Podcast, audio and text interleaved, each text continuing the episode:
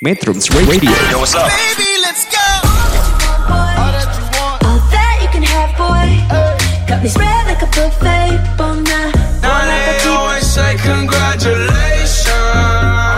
Come and strip that down for me. I'm on my way. Girl, come and strip that down for me. Yeah, yeah, yeah, yeah. Metrums Radio Media terintegrasi kaum muda Metronom, selamat malam. Berjumpa kembali di acara Arah Pandang, Bincang Ideologi dan Politik Internasional, edisi Minggu, 11 September 2022, dari Radio Online Metrum Bandung, di Wilangan Jati Handap Bandung. Pada edisi kali ini, Metronom selama sejam ke depan akan bersama saya, Cindy Puspita Dewi. Saya merupakan mahasiswi program studi ilmu hubungan internasional di International Women University. Metronom, dalam kesempatan ini telah hadir bersama kita secara daring narasumber Ibu Cynthia Catur. Beliau merupakan akademisi dari International Women University. Selain itu, ada pula Kak Putri, beliau merupakan mahasiswi dari International Women University dan juga Duta Genre Jawa Barat.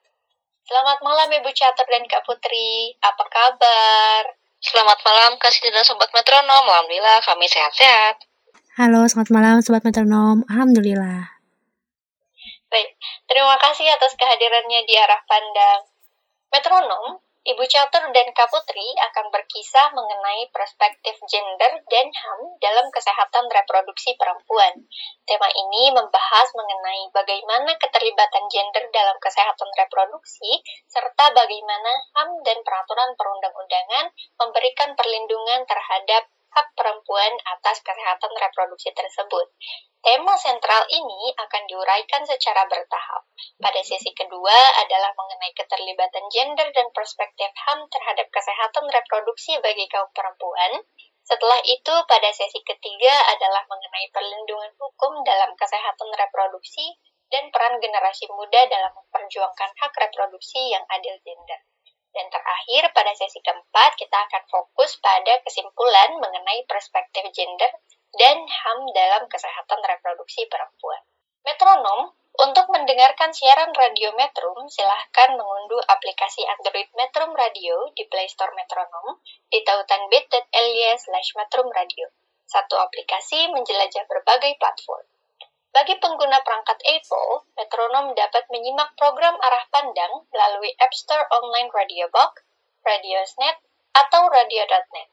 Atau Metronom juga bisa menyimak talk show ideologi dan politik internasional ini melalui tautan bit.ly slash webmetrum di laman situs www.metrum.co.id atau melalui Radio Garden melalui tautan bit.ly slash Radio Garden Metrum atau melalui aplikasi radio lainnya gunakan saja kata kunci Metrum Radio.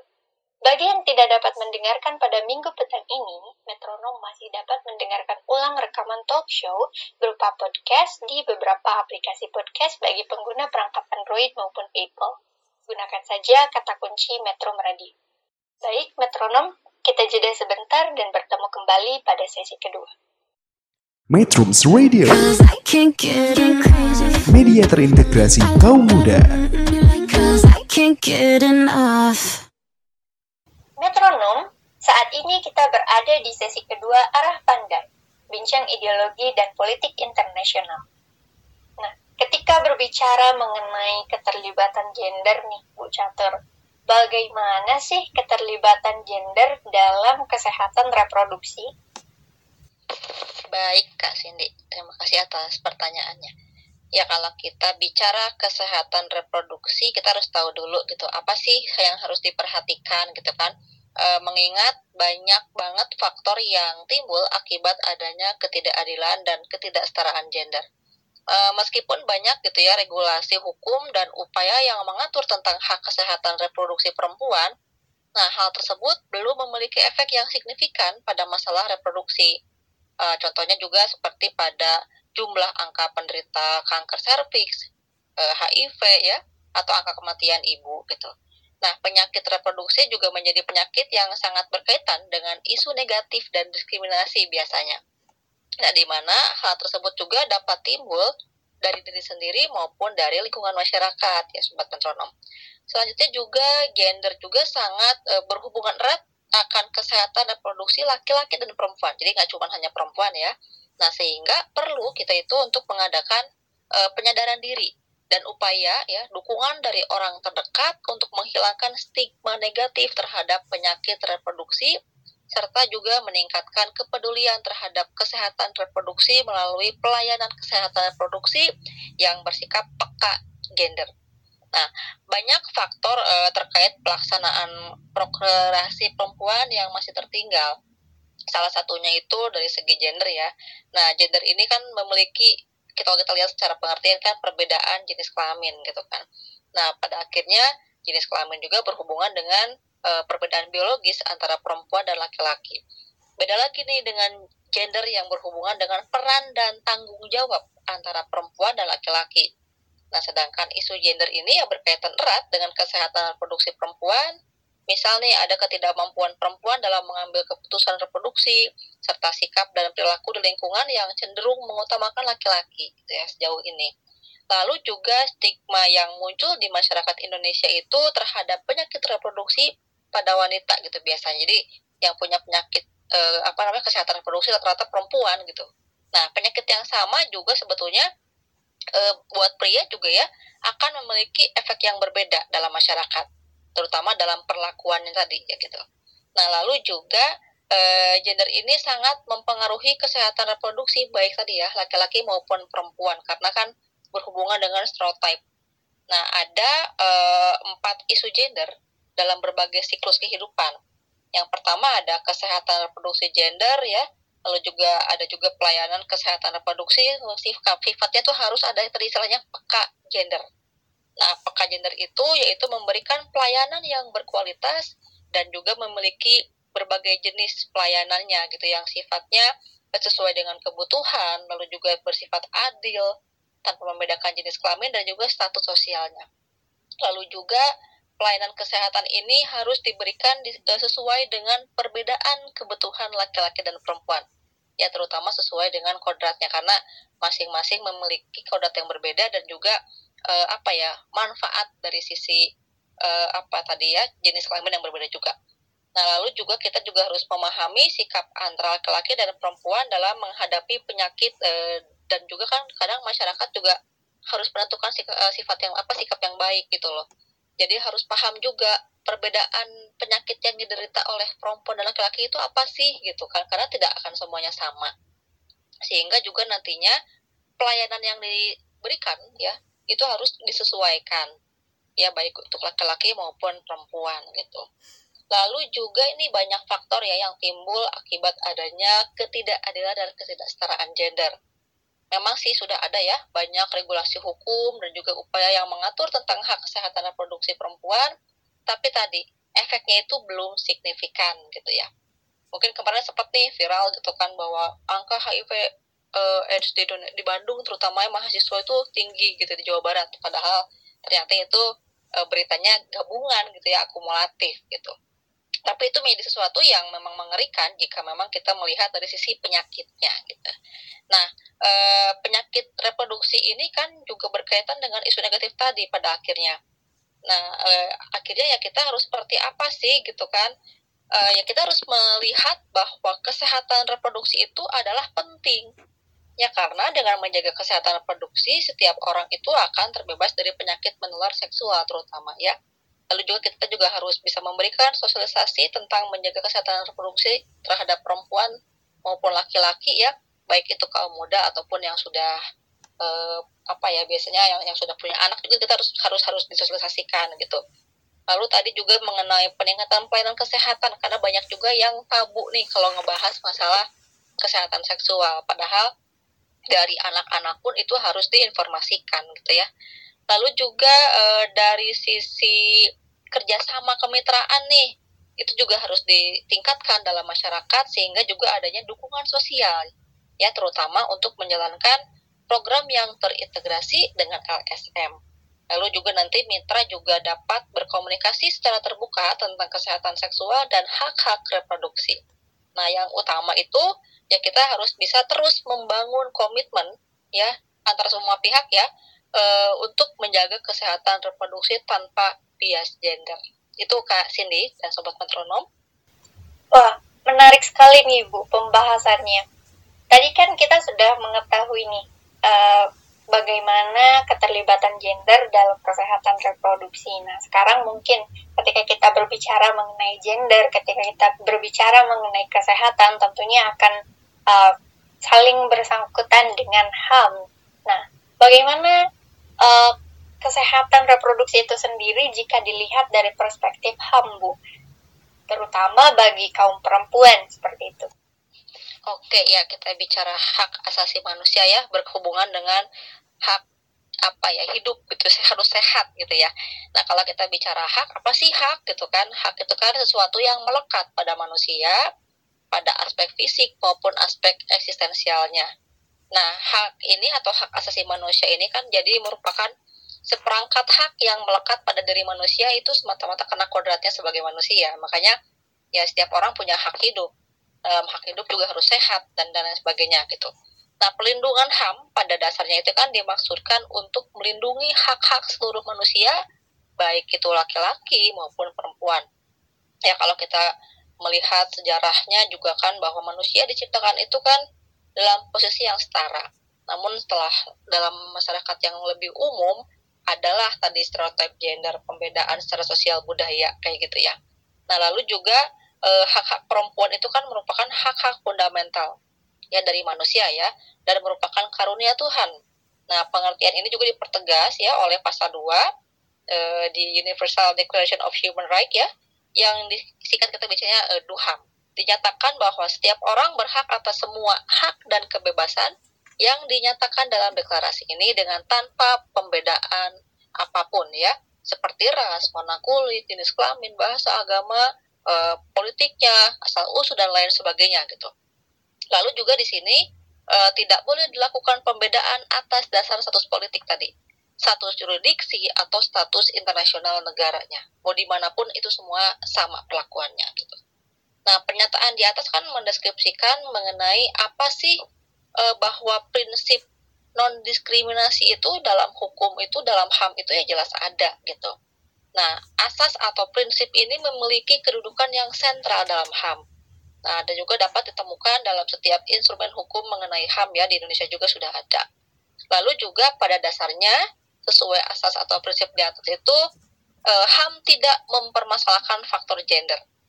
Ya, dalam Beijing Declaration and Platform for Action and Fourth World Conference of Women yang dilaksanakan di Beijing juga ini pada tahun 95 ya menegaskan uh, bahwa apa ya dikatakan ensure of full implementation of the human right of women and of the girl child and as uh, inalienable ya integral and invisible part of human right and human fundamental freedoms jadi uh, dikatakan bahwa memberikan rumusan yang jelas dan juga memadai pada dasarnya hak asasi perempuan itu adalah bagian yang integral dari HAM itu sendiri.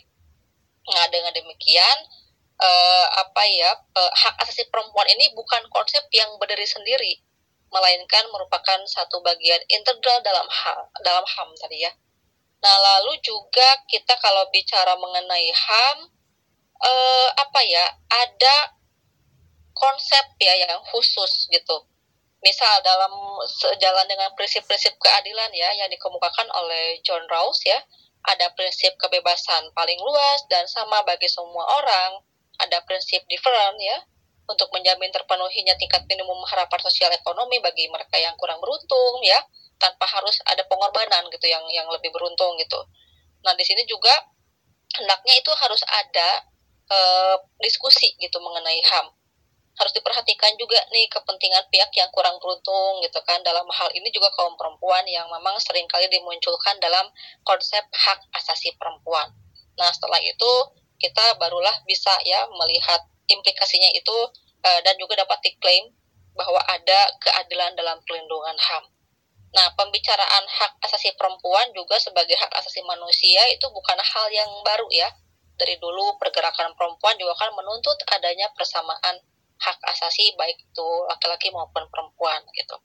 Nah, e, maka dari itu kalau kita lihat kenapa sih harus seperti itu ya? Karena kan seorang manusia ya baik itu laki-laki maupun perempuan kan dalam hasanah hukum dan ham itu dapat ditemui ini pengaturannya ya terutama dalam berbagai macam sistem hukum. Yang sangat mendasar itu bagi upaya untuk memperoleh hak adalah pengetahuan dasar tentang hak tersebut gitu. Kita harus tahu nih saat kita menuntut hak kita apa saja sih yang sebetulnya menjadi hak kita gitu ya. Dan juga ada nggak sih jaminannya? Nah seseorang yang menjadi korban tidak lagi hanya akan cukup menerima bahwa ia itu memiliki hak tapi ia juga akan mulai mencari di mana letak jaminan akan hak tersebut dan bagaimana caranya agar hak tersebut dapat diperoleh. Seperti itu ya, eh, Sobat Metronom. Lalu juga pada tahun 1967, eh, PBB juga pernah mengeluarkan ya deklarasi mengenai penghapusan diskriminasi terhadap perempuan. Nah, ini kan memuat hak dan kewajiban berdasarkan persamaan hak dengan pria dan juga menyatakan agar diambil langkah-langkah seperlunya untuk menjamin pelaksanaan deklarasi tersebut. Maka dari itu, deklarasinya juga bersifat mengikat. Ya, mungkin banyak negara yang meratifikasi gitu ya. Lalu juga pada tanggal 18 Desember tahun 1979, eh, Majelis Umum PBB juga menyetujui ya konvensi tersebut. Oleh karena itu, ada ketentuan konvensi yang pada dasarnya tidak bertentangan dengan Pancasila dan Undang-Undang Dasar 45 uh, maka juga pemerintah Indonesia dalam konferensi sedunia dasar dasawarsa ya PBB bagi perempuan di Copenhagen itu tahun 80 telah ikut menandatangani konferensi tersebut. Dan merupakan bukti ya penegasan sikap Indonesia yang telah dinyatakan pada tanggal 18 Desember 79 dan diberlakukan itu tahun uh, 1981. Nah, selain konferensi yang di atas juga dalam uh, apa ya melindungi hak asasi perempuan, ada instrumen hukum internasional yang dikatakan atau disebutnya Deklarasi Milenium PBB nomor 55 uh, garis miring 2 ya.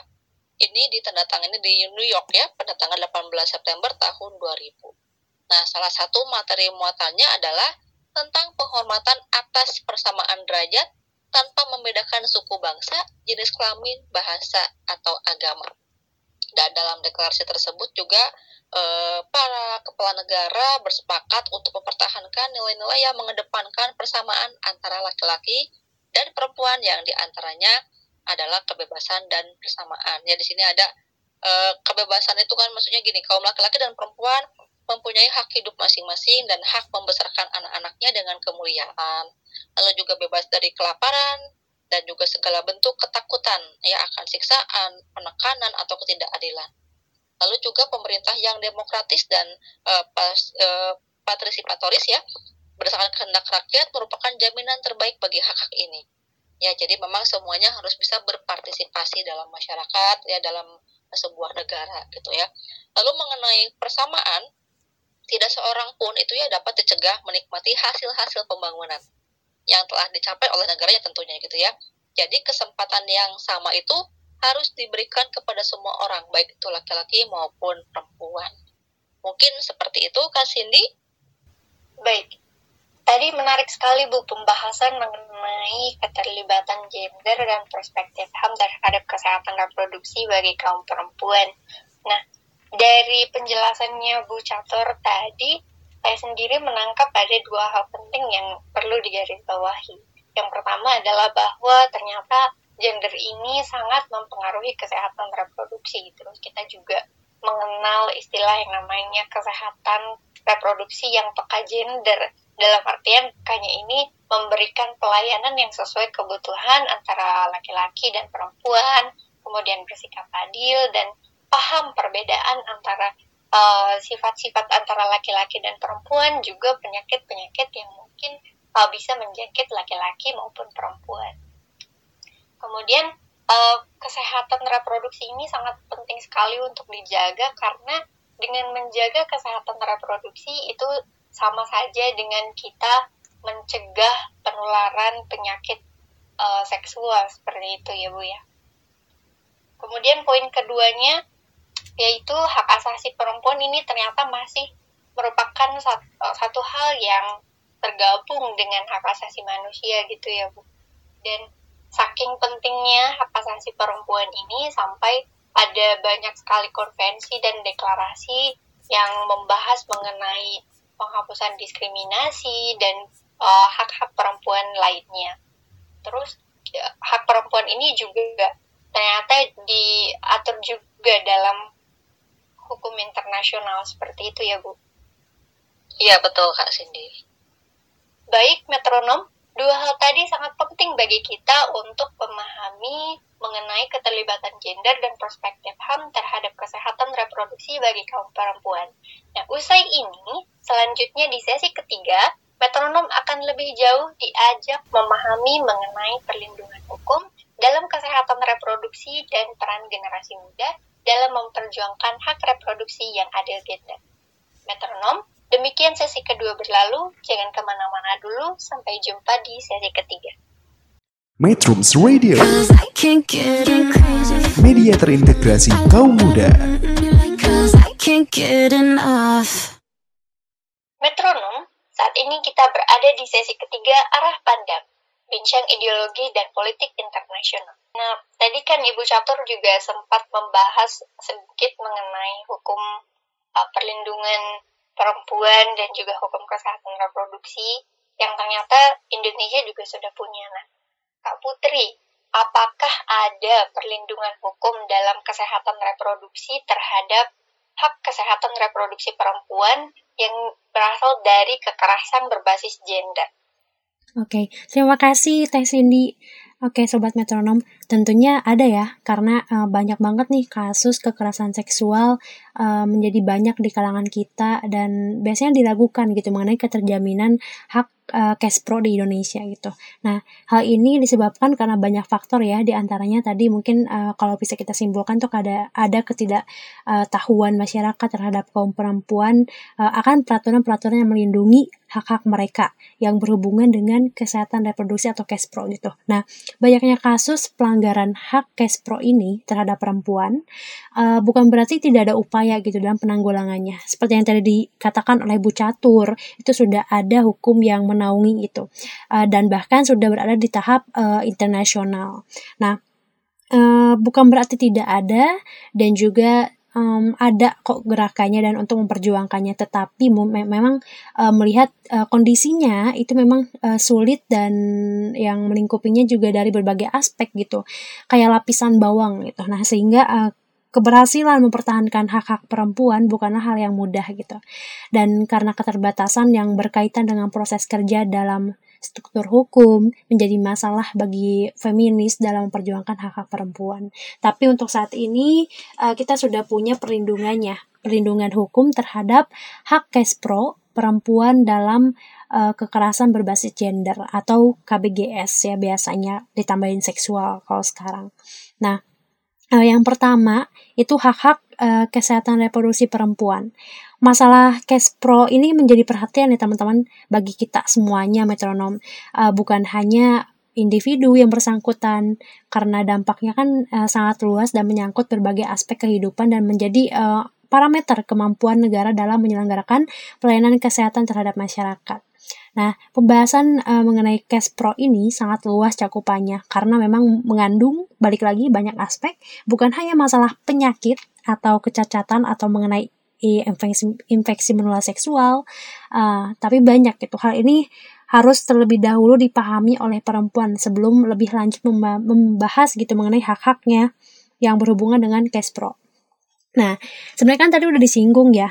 Kalau aku lebih ke uh, memberikan beberapa hal seperti definisi hak itu adalah kewenangan yang melekat pada diri untuk melakukan atau tidak melakukan, memperoleh atau tidak memperoleh sesuatu. Nah, sedangkan menurut Sudikno gitu ya, Mertukusumo, hak itu adalah kepentingan yang dilindungi oleh hukum. Sedangkan kepentingan itu kan adalah tuntutan perorangan atau kelompok yang diharapkan untuk bisa uh, terpenuhi gitu. Nah, kepentingan pada hakikatnya ini mengandung kekuasaan yang dijamin dan dilindungi oleh hukum dalam melaksanakannya.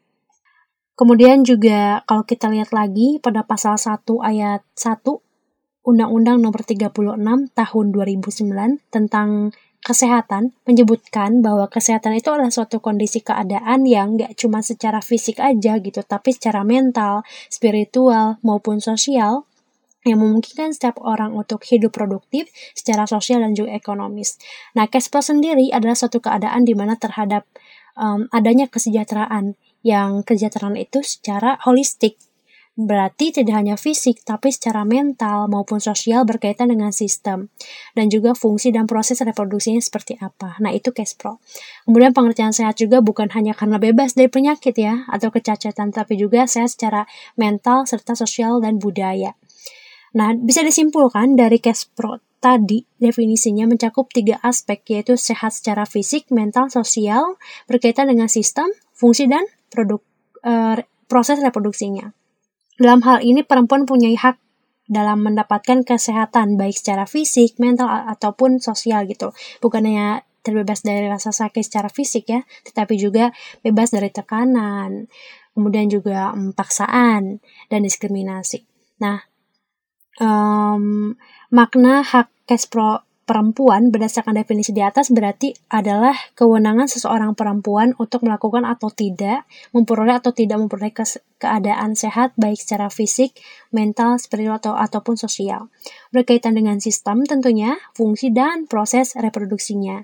Dari definisi di atas itu tidak ada paksaan dalam hak gitu ya. Karena seseorang dapat mempergunakan haknya atau bisa jadi mengabaikannya yang sepanjang dia punya hak itu gitu ya teman-teman. Dan di highlight lagi tidak mengganggu hak orang lain. Tetapi apabila seseorang um, punya hak tersebut dan dilaksanakan, maka harus mendapatkan perlindungan hukum. Balik lagi ya. Nah, tujuan umum program kesehatan reproduksi ini sebenarnya menurut WHO ya adalah untuk memperkuat kapasitas negara untuk memungkinkan masyarakat untuk meningkatkan dan memproteksi kesehatannya dan pasangannya tentunya berkaitan dengan seksualitas dan reproduksi serta e, gimana sih mereka untuk bisa dapat akses dan menerima pelayanan kesehatan yang berkualitas saat memerlukannya. Nah, wujud atau indikator dari masing-masing aspek tersebut dalam uh, kesehatan individu misalkan antara lainnya kesehatan fisik terwujud apabila seseorang tidak merasa sakit dan memang secara klinis tidak sakit gitu. Semua organ tubuhnya normal dan berfungsi normal, tidak ada gangguan fungsi tubuh. Terus yang kedua nih, kesehatan jiwa atau mental mencakup tiga komponen. Biasanya mencakup pikiran, emosi dan spiritual metronom dalam hak-hak uh, reproduksi, maka perempuan dalam hal ini uh, berhak loh untuk menentukan sendiri hal-hal yang berhubungan dengan tubuhnya gitu. Misalkan memilih alat kontrasepsinya apa yang dia gunakan, terus emosi seseorang perempuan juga harus diperhatikan dalam hal pro. Misalkan um, gimana ya kesiapan perempuan itu dalam uh, program hamil misalkan. Nah, itu tidak boleh ada paksaan kawan-kawan uh, orang lain hanya bisa bersifat memberi arahan dan motivasi, bukan memaksa ya teman-teman. Kemudian juga ada yang ketiga itu kesehatan sosial, terwujud apabila seseorang mampu berhubungan dengan orang lain secara baik atau mungkin kayak berinteraksi dengan orang atau kelompok lain tanpa membeda-bedakan ras, suku, agama atau kepercayaan, bahkan um, berkaitan dengan status sosial dan saling menghargai gitu. Kemudian ada perlindungan hukum terhadap hak kesehatan reproduksi perempuan yang um, berdasarkan dengan KBG atau kekerasan berbasis gender. Berikutnya adalah uh, hak kesehatan reproduksi itu perkembangannya dari konsep hak asasi manusia teman-teman sebelumnya ya. Hal ini senada juga dikatakan oleh Forum Agnes Widanti gitu ya yang mengatakan bahwa hak reproduksi merupakan hak asasi perempuan. Konsep hak asasi manusia atau HAM menjamin hak uh, perempuan atas kedaulatan mental dan fisiknya. Untuk apa? Ya untuk bebas dari diskriminasi serta memperoleh tingkat kesehatan yang baik. Salah satu hal yang harus ditegakkan gitu metronom dalam kehidupan bernegara adalah suatu kehidupan hukum dalam masyarakat. Kan kita tahu sendiri ya, Indonesia sebagai negara hukum menjamin hak bagi setiap warga negara termasuk perempuan. Nah, hak warga negara Indonesia ini atas pelayanan kesehatan dijamin dalam Undang-Undang Dasar tahun 45 pasal 28H. Mengatakan seperti ini, bahwa setiap orang itu kan berhak nih mendapatkan lingkungan yang baik, uh, sehat, serta berhak memperoleh pelayanan kesehatan. Hak atas um, kesehatan reproduksi ini juga dijamin dalam pasal 49 ayat 2 dan 3 Undang-Undang Nomor 39 tahun 99 tentang hak asasi manusia yang menyebutkan gini.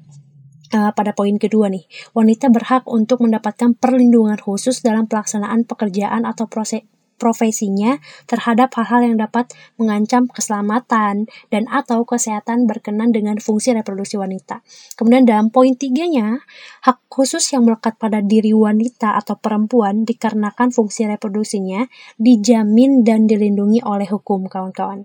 Nah, hak atas pelayanan kesehatan kesehatan dan jaminan sosial sesuai dengan kebutuhan fisik, mental, spiritual, dan sosial dijamin dalam pasal 8 Undang-Undang Nomor 23 Tahun 2002 tentang Perlindungan Anak.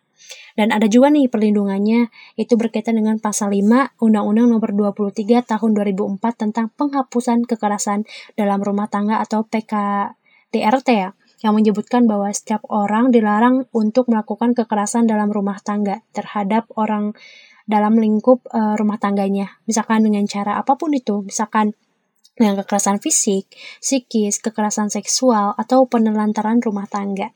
Kemudian dalam Undang-Undang Nomor 36 Tahun 2009 juga nih tentang um, kesehatan. Pasal 4 menyebutkan bahwa setiap orang tuh berhak loh atas kesehatannya. Terus juga di pasal 5 dilanjut, setiap orang mempunyai hak yang sama dalam memperoleh akses atas sumber daya di bidang kesehatan gitu teman-teman. Meskipun uh, belum diatur secara khusus yang sangat terperinci gitu teman-teman, namun pemenuhan hak pelayanan kesehatan reproduksi perempuan ini telah dijamin dalam konvensi tadi, konvensi penghapus, penghapusan segala bentuk diskriminasi terhadap perempuan yang tahun 79 tadi ya, yang diratifikasi oleh Indonesia dengan Undang-Undang Nomor 7 tahun 84 de, tentang pengesahan konvensi mengenai penghapusan segala bentuk diskriminasi terhadap wanita atau kita singkat CEDAW ya. Nah, dalam pasal 12 nih di CEDAW sendiri uh, pada tahun 79 disebutkan bahwa negara-negara itu wajib loh untuk membuat peraturan-peraturan yang tepat untuk menghapus diskriminasi terhadap perempuan di bidang pemeliharaan kesehatan dan supaya bisa menjamin yang diperolehnya pelayanan kesehatan termasuk pelayanan yang berhubungan dengan keluarga berencana atas dasar persamaan antara ya laki-laki dan perempuan ya. Terus yang kedua tuh ada juga nih, negara-negara peserta wajib menjamin kepada wanita pelayan pelayanan yang layak gitu untuk wanita, untuk perempuan dalam hubungannya dengan kehamilan persalinan dan juga dengan periode pasca persalinan pun gitu. Itu uh, harus ada um, negara ini wajib menjamin atas pelayanannya. Apabila perlu menjadikan pelayanan gratis serta pemberian makanan bergizi yang cukup uh, cukup lama gitu ya untuk selama kehamilan dan masa menyusui ya pasti harus dipenuhi teman-teman. Kemudian uh, ketentuan ini diratifikasi uh, CEDAW 1979 dengan Undang-Undang Nomor 7 uh, tahun 84 ini tersebut uh, menjamin juga nih hak uh, perempuan di negara Indonesia untuk mendapatkan pelayanan kesehatan khusus, pelayanan kesehatan Kespro tanpa adanya diskriminasi, teman-teman. Baik lagi ya, harus non diskriminasi. Ketentuan ini menjamin hak perempuan atas kesehatan reproduksinya agar apa? Ya agar terlindungi dari berbagai bentuk pelanggaran termasuk kekerasan berbasis gender yang tadi ya. Berarti lebih banyak ke seperti pemerkosaan, teman-teman. Terus ada juga pemaksaan alat kontrasepsi uh, pemaksaan aborsi, termasuk pemaksaan terapi kehamilan, sebab tidak sedikit pasangan yang belum mempunyai keturunan memaksa seorang perempuan nih untuk melakukan uh, terapi tertentu gitu, tanpa melakukan tes terlebih dahulu. Penyebabnya apa, tidak, atau keterlambatan, atau dalam memperoleh keturunan gitu teman banyak banget itu kemudian juga dalam kesepakatan dalam konferensi internasional kependudukan dan pembangunan di Kairo waktu itu tahun 94 kita menyebutkan bahwa hak-hak uh, reproduksi itu banyak ya teman-teman. Di antaranya aku sebutin tiga aja yaitu hak untuk bebas dari penganiayaan dan perlakuan buruk yang menyangkut cash pro. Kemudian juga ada hak atas uh, mendapatkan manfaat dari hasil kemajuan ilmu pengetahuan di bidang cash pro. Kemudian juga ada hak uh, berkaitan dengan erat sekali dengan kewajiban, maka membahas hak kesehatan reproduksi perempuan akan lebih lengkap apabila juga membahas mengenai kewajiban uh, kewajibannya untuk dipenuhi gitu. Gitu. Uh, berdasarkan Undang-Undang Nomor 36 Tahun 2009 tentang kesehatan yang mempunyai kewajiban untuk menjaga dan memelihara kesehatan reproduksi perempuan itu sebagai berikut. Yang pertama yang pasti apa? Perempuan itu sendiri betul. Yang kedua keluarganya. Yang ketiga masyarakat metronom. Yang keempat adalah pemerintah jelas ya pemerintah karena mereka kan harus bertanggung jawab, merencanakan, mengatur, menyelenggarakan, membina dan mengawasi penyelenggaraan upaya kesehatan yang merata. Gitu. Terus ada juga nih yang terakhir, tujuh aksi dalam Millennium Project uh, Task Force in Education and Gender Equality ini dalam hmm, upaya perlindungan ya. Yang pertama itu memperkuat akses anak perempuan untuk mendapatkan pendidikan dasar 9 tahun. Terus yang kedua ada menjamin hak-hak dasar reproduksi dan seksual perempuan. Terus membangun infrastruktur untuk mengurangi beban kerja perempuan dan anak perempuan. Dan ada juga meningkatkan upaya penghapusan kekerasan terhadap perempuan dan anak perempuan. Gitu Kak Cindy.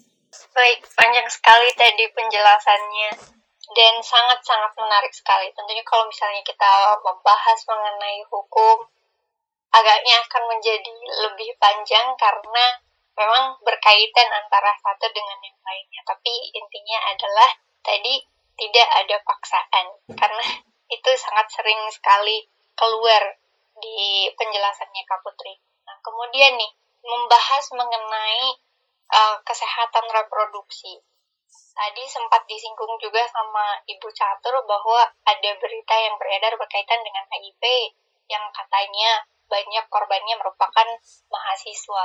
Nih untuk uh, menambah kesadaran mahasiswa dan generasi muda khususnya dalam uh, memperjuangkan kesehatan reproduksi dan juga hak reproduksinya, tentunya kita juga harus mungkin harus uh, turut serta dulu, melibatkan diri dulu dalam hal tersebut. Nah, mungkin kamu Putri nih, apakah ada aksi dalam keterlibatan dan uh, dalam keterlibatan generasi muda gitu dalam memperjuangkan hak reproduksi yang adil gender? Hmm, Oke, okay. makasih Kak Cindy. Tentunya ada ya teman-teman. Uh, tepatnya kalau Hmm, ini masih hangat-hangatnya nih kemarin pada tanggal 23 sampai 25 Agustus 2022 kemarin ya. Uh, kebetulan juga saya dan delegasi orang muda lainnya yang ada di Indonesia berkesempatan nih untuk mendeklarasikan uh, mengenai pemenuhan hak kesehatan uh, seksual dan reproduksi. Kemudian juga ada pencegahan perkawinan anak dan kehamilan remaja, pencegahan kekerasan berbasis gender dan seksual serta KBGO dalam The Second International Conference on Indonesia, Family Planning and Reproductive Health gitu. Nah, di sana tuh kami orang muda tuh mengakui adanya upaya negara untuk pemenuhan hak kesehatan seksual dan reproduksi, pencegahan perkawinan anak dan kehamilan remaja, yang pastinya juga pencegahan terhadap KBGS dan juga KBGO gitu teman-teman. Um, Kemudian kita mengakuinya dalam hal antara lain gitu ya, adanya disahkannya undang-undang tindak pidana kekerasan seksual uh, kemarin masih hangat juga nomor 12 tahun 2022. Terus ada juga terbitnya Permendikbud nomor 30 tahun 2021 tentang pencegahan dan penanganan kekerasan seksual di lingkungan perguruan tinggi dan juga ada banyak ya lainnya lagi. Akan tetapi ini kan kita ngerasa uh, kemarin tuh anak muda kurang banyak terlibat gitu dan juga dalam apa ya implementasinya kita keterlibatannya itu masih ada kesenjangan yang mencolok gitu uh, baik itu antara kebijakan dengan situasi ataupun dengan kenyataan di lapangnya seperti apa. Itu kita mengakui. Kami juga masih menemui kondisi kesulitan orang muda untuk mendapatkan hak kesehatan seksual dan reproduksi gitu. Uh, ngerasa nggak sih kalau misalkan informasi dan juga layanan dasar ini masih minim untuk orang muda akses mengenai cash pro gitu. Kami juga merasakan uh, kurangnya pelibatan secara bermakna atau secara meaningful gitu, baik orang muda uh, umum, apalagi kelompok minoritas dan marginal dalam menentukan kebijakan yang menyangkut kebutuhan orang muda itu sendiri gitu. Jadi kami menekankan bahwa keterlibatan orang muda itu gak boleh bersifat tokenistik gitu atau tokenism yang mana dia sebagai dekorasi aja dateng um, duduk dan tidak ada manfaat. Nah, tidak hanya itu. Jadi harus ada tindak lanjut yang konkret dan akuntabel untuk menjawab kebutuhan orang muda. Jadi eh, di sana kita beraksi untuk oh oke okay, kita bikin uh, dalam youth meeting di the second international conference on Indonesia planning uh, family planning and reproductive health atau biasa kita singkat ICIP PRH yang kedua ini kita uh, mendesak nih biar negara ini harus menjamin dan mempromosikan serta memperkuat komitmen dan tindakan kolaboratif dalam upaya pemenuhan hak kesehatan seksual dan reproduksi, pencegahan perkawinan anak, pencegahan kekerasan berbasis gender dan seksual, serta kekerasan berbasis gender online agar terwujud lingkungan masyarakat yang aman, nyaman, sehat, bebas diskriminasi, serta berorientasi pada orang muda sesuai dengan komitmen uh, pada ICPD yang waktu itu ada di Kairo tahun 94 dan juga dalam Yogyakarta Principles.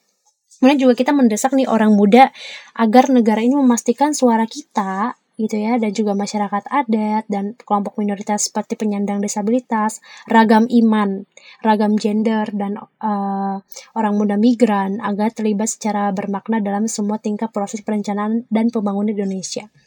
Terus um, ada tujuh sebenarnya, cuman aku ingin menyebutkan satu lagi. Kita mendesak negara untuk uh, menjamin ketersediaan dan terpilah uh, terpilah yang terintegrasi terkait kasus-kasus dan laporan uh, kekerasan seksual yang terjadi di Indonesia sebagai basis dalam penyusunan program, advokasi, dan kebijakan terkait pemenuhan hak kesehatan seksual dan reproduksi, pencegahan perkawinan anak, pencegahan kekerasan berbasis gender dan seksual, serta kekerasan berbasis gender dan gender online gitu.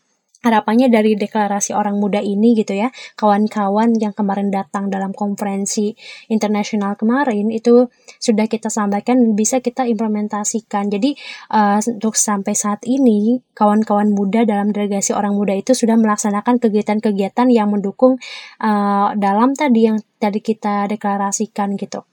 Nah Uh, ini juga bisa menjadi tindak lanjut bagi negara dalam rencana pembangunan berkelanjutan terkait pemenuhan hak kesehatan seksual, reproduksi, pencegahan perkawinan anak, pencegahan kekerasan berbasis gender dan seksual, serta kekerasan berbasis gender online di Indonesia. Kayak gitu Kak Cindy. Baik, penjelasan dari Kak Putri tadi betul-betul menyadarkan saya mengenai perlindungan hukum dalam kesehatan reproduksi dan peran generasi muda dalam perjuangkan hak reproduksi yang adil gender.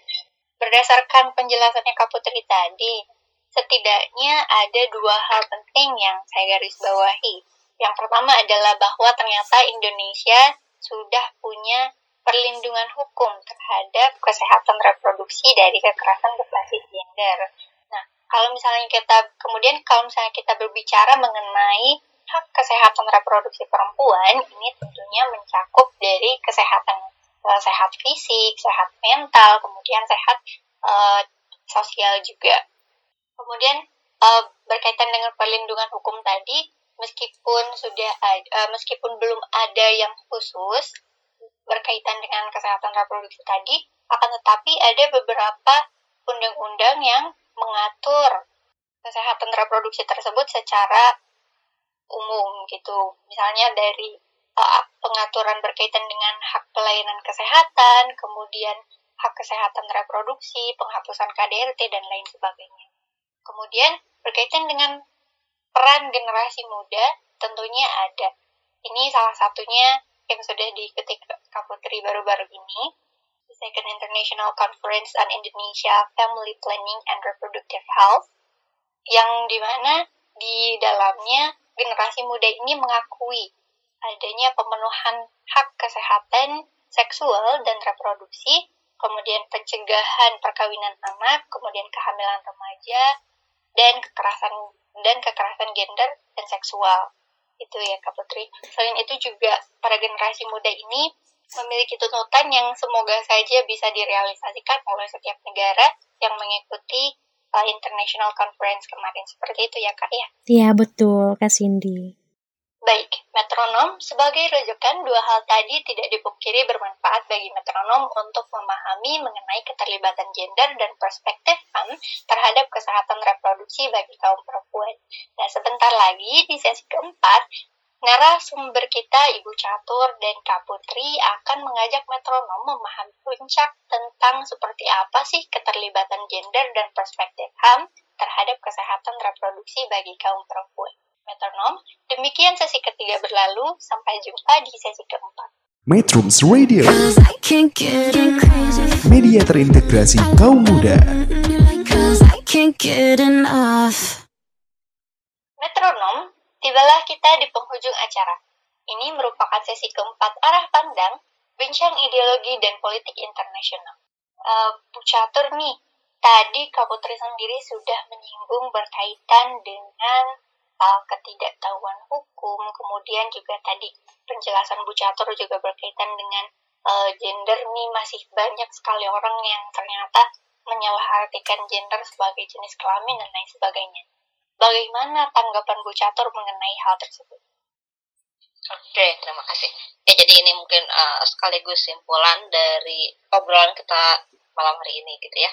Jadi kalau tadi uh, hasil dari ya mendengarkan Kak Putri juga, pada akhirnya kan gender itu sangat mempengaruhi kesehatan reproduksi pada akhirnya gitu karena ada pandangan atau stereotip dari masyarakat terhadap perempuan maupun laki-laki. Dan isu-isu gender itu tadi ya e, mengenai kesehatan reproduksi peka gender lalu juga pelayanan kesehatan reproduksi yang bersikap peka gender ini kan tadi dikatakannya sudah berulang kali dikatakan bahwa memberikan pelayanan yang berkualitas dan memiliki berbagai jenis pelayanan yang dapat disesuaikan dengan kebutuhan. Nah, perempuan laki-laki kebutuhannya tentu saja berbeda gitu ya. Lalu juga harus berlaku secara adil tanpa membedakan jenis kelamin dan status sosialnya. Lalu juga di sini uh, pelayanan yang peka gender itu ya harus sesuai dengan kodratnya masing-masing karena tadi sesuai dengan kebutuhannya gitu ya. Lalu juga kita harus memahami nih sikap antara perempuan maupun laki-laki ya dalam menghadapi penyakit ya terutama penyakit kesehatan reproduksi kan ya dan juga bagaimana dalam e, menentukan sikap kita ya sebagai masyarakat terhadap penyakit tersebut gitu. Selanjutnya juga yang harus kita garis bawahi ini adalah e, kita harus bisa menyesuaikan e, pelayanan sehingga yang diderita laki-laki dan perempuan itu nantinya dapat ada solusi gitu ya. Ya e, karena gini, kadang kalau sudah ada stereotip yang muncul perempuan maupun laki-laki yang ingin berobat gitu ya, itu kan kadang malu. Kadang dia merasa akan dikucilkan atau apa pun itu. Ini yang akan menyulitkan ya kesehatan reproduksi itu e, disembuhkan itu salah satunya. Lalu juga dikatakan juga terkait dengan hak kesehatan reproduksi ini kan artinya ada kewenangan seorang perempuan ya untuk melakukan atau tidak, memperoleh atau tidak ya. Lalu juga dia terutama dalam hak kesehatan ya. Baik secara fisik, mental, spiritual maupun sosial, terutama ini yang berkaitan dengan sistem fungsi dan proses reproduksinya. Nah, dari definisi ini artinya tidak ada paksaan. Tadi juga Kak itu sudah menyampaikan ya, tidak ada paksaan dalam haknya. Karena seseorang itu dapat mempergunakan haknya atau mengabaikan hak yang dimilikinya sepanjang tidak mengganggu orang lain. Nah, tapi apabila seseorang gitu ya e, merasa hak tersebut dilaksanakan juga artinya dia juga harus bisa mendapatkan perlindungan. Jadi tentunya ada korelasi antara e, kesehatan reproduksi perempuan dengan hak asasi perempuan maupun antara kesehatan reproduksi melihat dari sisi gender ya dengan hak asasinya masing-masing. Mungkin begitu Kak Sini, mungkin Kak Putri bisa menambahkan. Iya, uh, kalau dari aku lebih ke ini ya, pengaturan cash pro sendiri bagi perempuan ini mungkin telah konsisten dengan HAM. Jadi secara umum pengaturan dan peraturan perundang-undangan itu kan telah mengandung atau mat ada materi muatan yang itu memberikan perlindungan terhadap hak perempuan atas kesehatan reproduksi.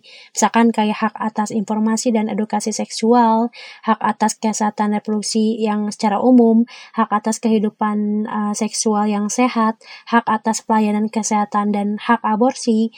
Ada juga pembatasan umur bagi perempuan ini um, untuk dapat melangsungkan perkawinan secara implisit ini melindungi perempuan untuk tidak hamil sebelum waktunya, sehingga secara medis dapat dipahami sebagai bentuk perlindungan terhadap fungsi reproduksi. Kemudian juga tadi sedikit menambahkan, di bidang ketenaga kerjaan, pengaturan yang relevan terkait dengan perlindungan uh, terhadap hak kesehatan reproduksi ini bagi perempuan juga telah mencerminkan hak perempuan atas kesehatan kesehatan reproduksi yang meliputi uh, dijaminannya dijaminnya hak atas kesehatan fungsi reproduksi dalam penempatan kerja serta jenis pekerjaan yang aman bagi perempuan yang sedang hamil.